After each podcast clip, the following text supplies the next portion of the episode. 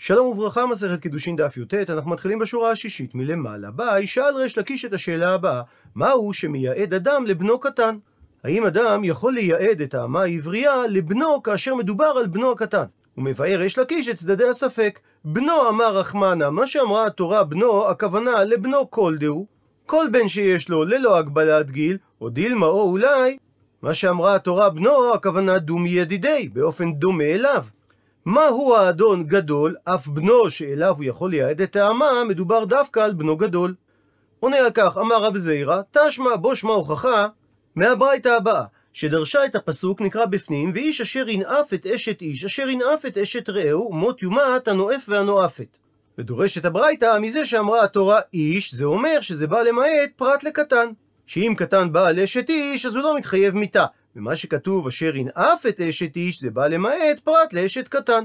שמי שבא עליה פטור ממיתה. עד לכאן לשון הברייתא, הוא מוכיח רב זירא, והיא אמרת שהאדון מייעד את האמה לבנו הקטן, אז אם כן, מצינו אישות לקטן. ומדוע אמרה הברייתא שהבועל אשת קטן פטור ממיתה? אלא מכאן רוצה רב זירא להוכיח שאדם לא יכול לייעד את האמה לבנו הקטן.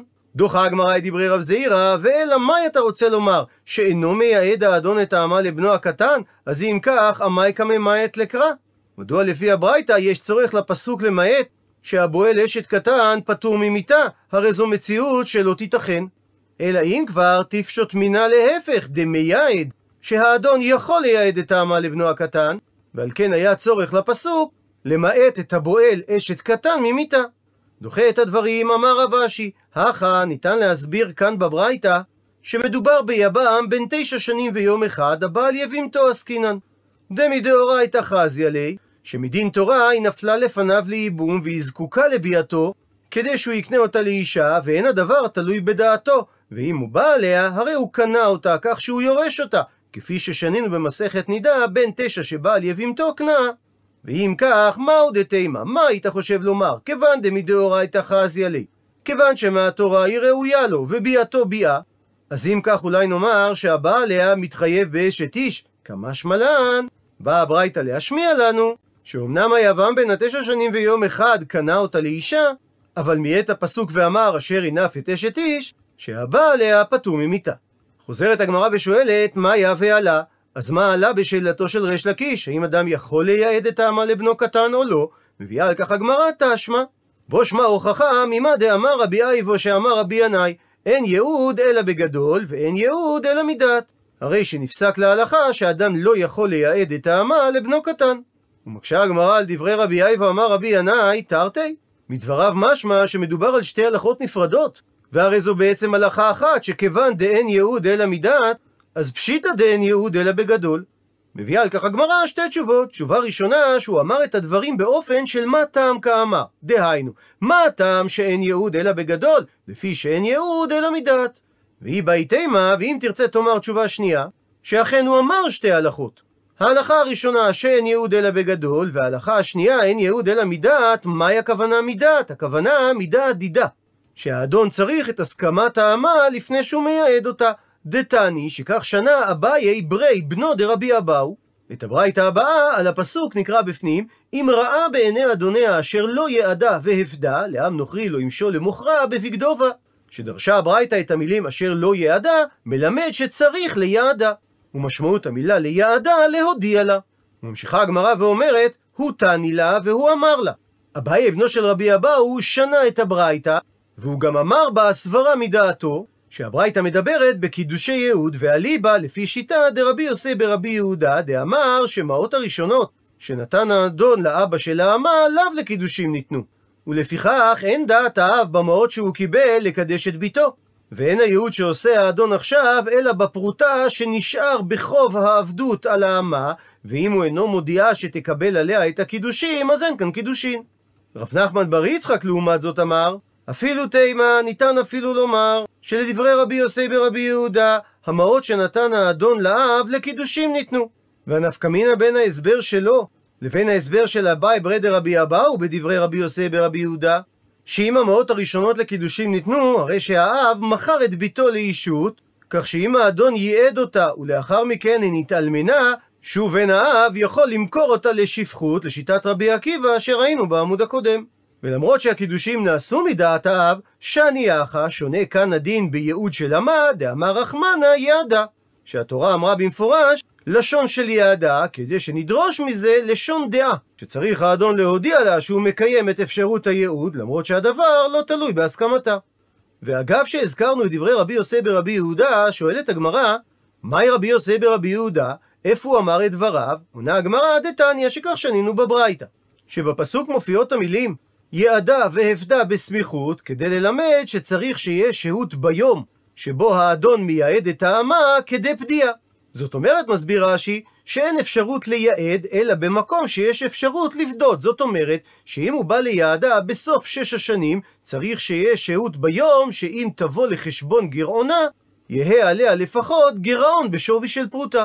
ומכאן אמר רבי יוסי ברבי יהודה, שאם יש שהות ביום כדי לעשות עמו שווה פרוטה אז היא מקודשת, ואם לאו היא אינה מקודשת.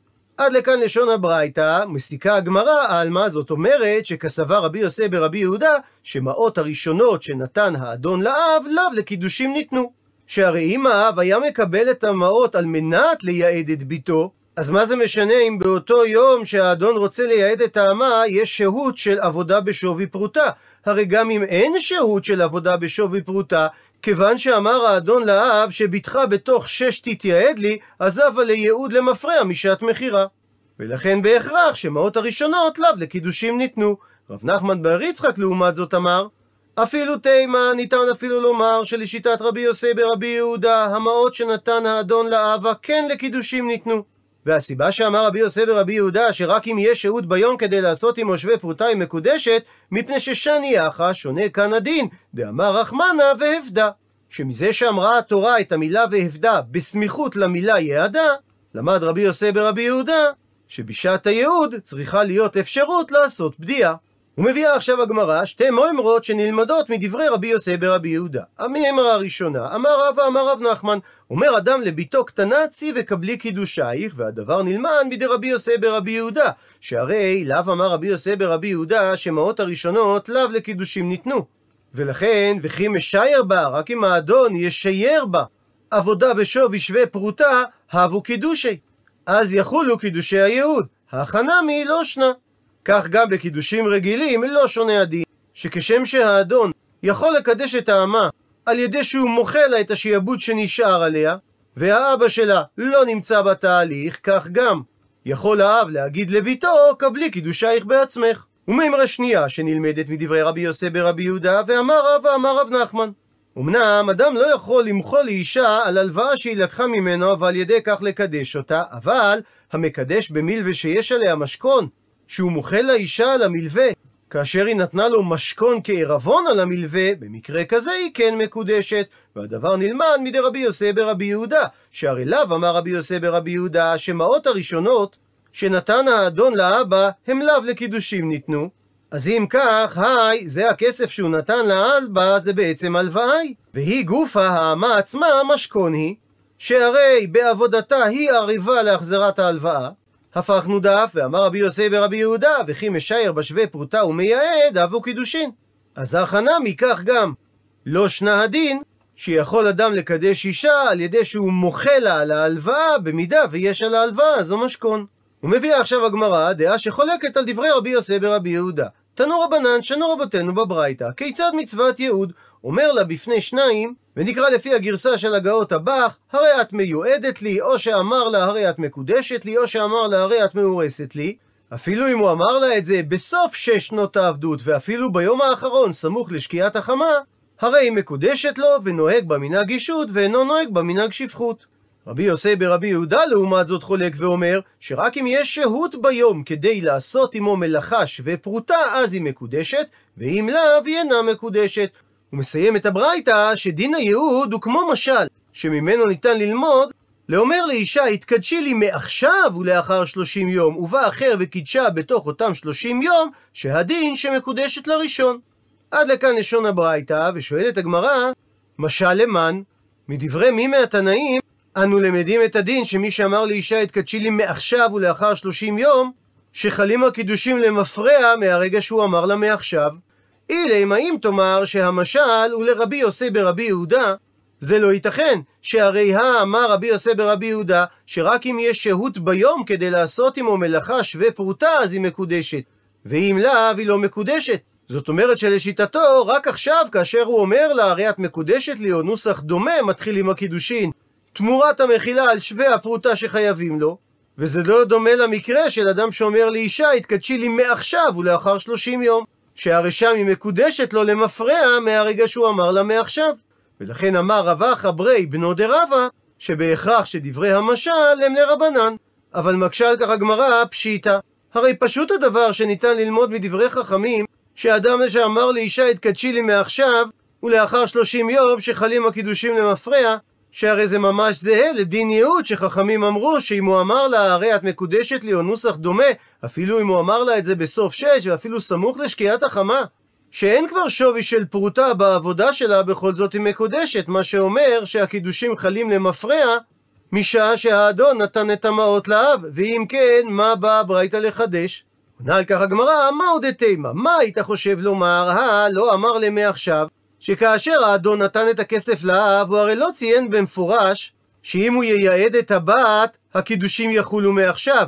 אז מזה יכול היית ללמוד שאדם שלא פירש ואמר לאישה שיחילו הקידושים מעכשיו, אלא אמר לה, הרי את מקודשת לי לאחר שלושים יום, באופן דומה ליהוד, היא תהיה מקודשת מרגע נתינת הכסף, ולכן אפילו אם בא אדם אחר ונתן לה קידושים באותם שלושים יום, היא תהיה מקודשת לראשון.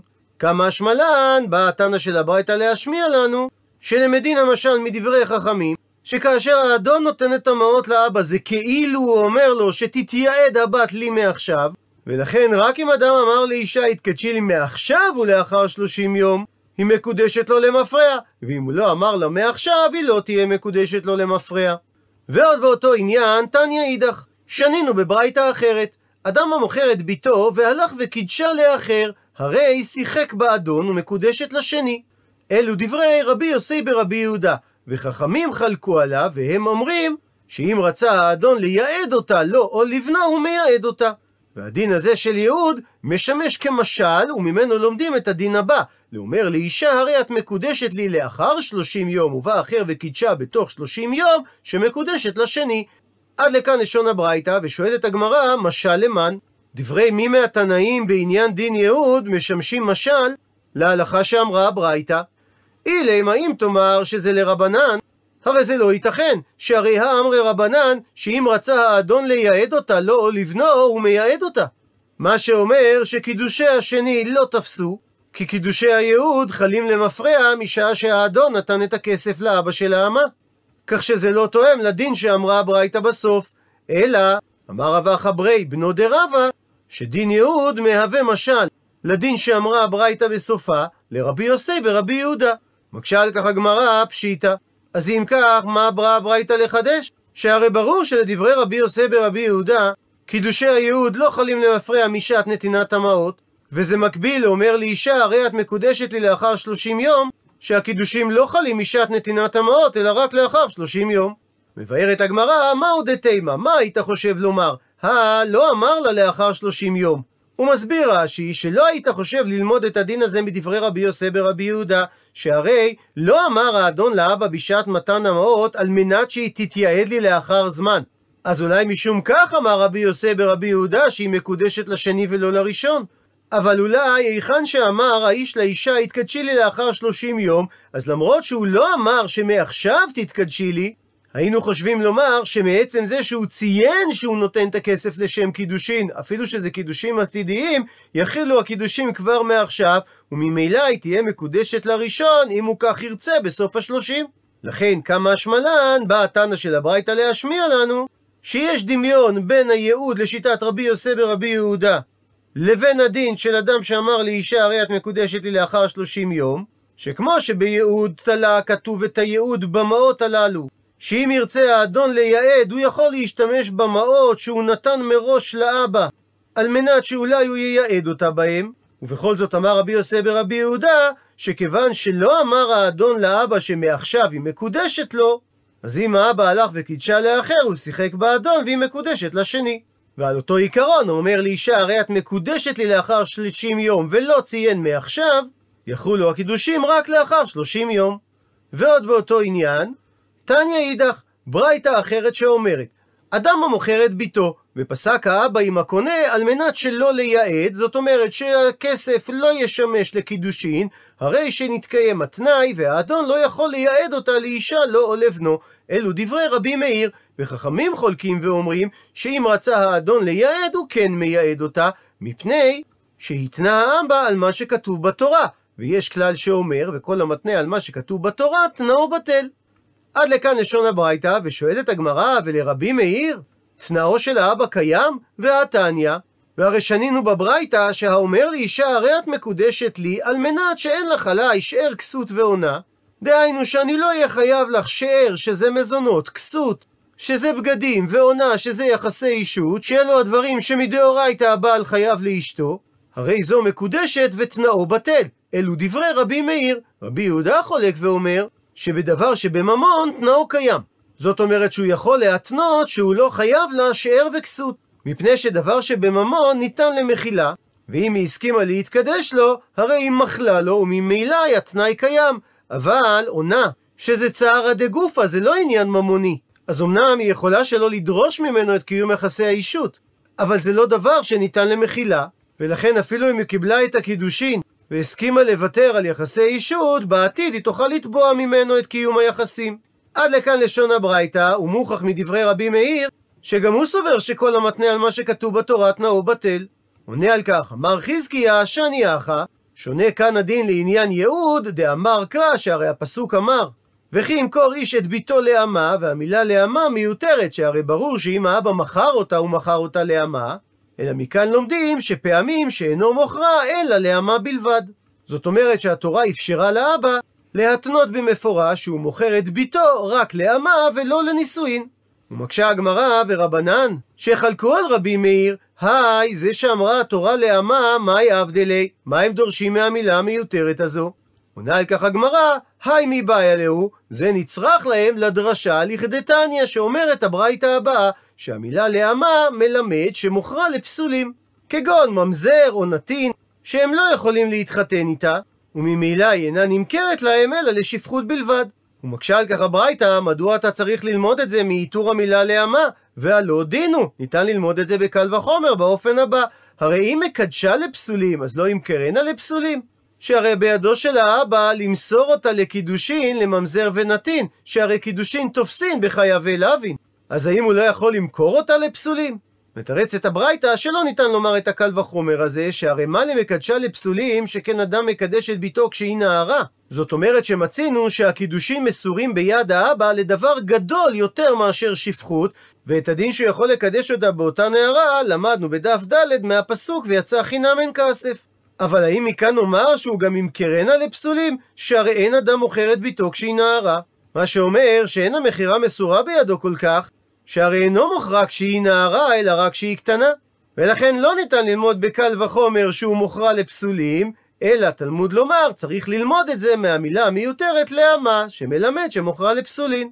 רבי אליעזר חולק ואומר, שאם הפסוק בא ללמד שמוכרה לפסולין, הרי כבר נאמר אם ראה בעיני אדוניה, והכוונה שראה בנישואיה, שלמרות שהיא אסורה לו בגלל איסור לאו, עדיין תופסים בה הקידושין, כפי שכתוב בהמשך הפסוק, אשר לא יעדה. אז מכאן כבר לומדים שמוכרה לפסולין. אז אם כך, מה תלמוד לומר מהמילה המיותרת לאמה? אלא אומר רבי אליעזר, מלמד שמוכרה לקרובים. הפכנו דף שבשונה מפסולים שאסורים עליה רק באיסור לאו, קרובים אסורים עליה באיסור כרת או מיתת בית דין. ובא הפסוק לחדש, שאף על גב שאין כאן בכלל אפשרות של ייעוד שאין קידושים תופסים בה, בכל זאת ניתן למכור אותה להם לאמה. הוא מקשה על כך הברייתא, והלא דינו. מדוע צריך ללמוד את זה מאיתור המילה לאמה? הרי ניתן ללמוד את זה בקל וחומר באופן הבא, שהרי אם מוכרה לפסולין ובמכירה יש ביזיון, אז לא ימכרנה לקרובים? שאין ביזיון במכירה כזאת, וגם אין חשש שהיא תינשא לאסור לה. דוחה הגמרא שלא ניתן לומר את הקל וחומר הזה, שהרי מה למוכרה לפסולים, שאם רצה לייעד אותה, הוא מייעד אותה. שהרי קידושים תופסים בחי ולהבין. אז האם מזה נלמד שאם קרנה לקרובים, שאם רצה לייעד, אינו מייעד אותה? ולכן יש צורך במה שאמר קרא הפסוק את המילה לאמה, שזה מלמד שמוכרה לקרובים. כך שאם נסכם עד השלב הזה, לשיטת רבי אליעזר, האבא יכול למכור אותה לפסולים מזה שכתוב אם ראה בעיני אדוניה, והוא יכול למכור אותה לקרובים מאיתור המילה לאמה. לפי חכמים שחלקו על רבי אליעזר, האבא יכול למכור אותה לפסולים מאיתור המילה לאמה, אבל הם לא למדו שהוא יכול למכור אותה לקרובים. ונשאלת עכשיו השאלה, מה שיטת רבי מאיר לגבי מכירה לפסולים או מכירה לקרובים, שהרי הוא למד מאיתור המילה לאמה, שהאבא יכול להתנות עם האדון שהוא מוכר את הבת לאמה בלבד ולא לקידושין. עונה על כך הגמרא, ורבי מאיר את ההיתר למכור לפסולין נפקא ליה, הוא לומד מאיכא דנפקא ליה לרבי אליעזר. זאת אומרת מהפסוק אם ראה בעיני אדוניה. ולגבי מכירה בקרובים, סבר לה כרבנן, דאמרי שאמרו אין מוכרה לקרובים. שאסור לאבא למכור את הבת לאמה לקרובים. ועוד באותו עניין, תני חדא, שנינו בברייתא אחת שמוכרה לאביו ואין מוכרה לבנו, ותניא אידך, ושנינו בברייתא אחרת שאין מוכרה לא לאביו ולא לבנו. ואומרת על כך הגמרא, בישלמה נוח לי להבין את הברייתא שאמרה שאינו מוכרה לא לאביו ולא לבנו, שזה כשיטת כרבנן, שאמרו שאין האבא מוכרה לקרובים. אלא הברייתא שאמרה מוכרה לאביו ואין מוכרה לבנו, כמן כשיטת מי, היא לא כשיטת כרבנן ולא כרבי אליעזר. מתרצת הגמרא שהברייתא הזאת לעולם כשיטת כרבנן, מפני שמודו רבנן איכא דאי כצד יהוד, שהיכן שיש אפשרות ליהוד, שהרי כשמוכרה לאביו ויש לאותו אב בן נוסף, חוץ מבנו שהוא האבא של האמה, הוא יכול לייעד אותה לבנו הנוסף שהוא דוד האמה, שהיא מותרת לו שהרי היא בת אחיו, אבל כשמוכרה לבנו, במקרה כזה לא קיים כאן צד ייעוד בכלל, לא לו ולא לבנו. שהרי לבנו היא אסורה מצד אחותו, ולבן של בנו, דהיינו לנכדו, היא אסורה מצד אחות אביו. עד לכאן דף י"ט.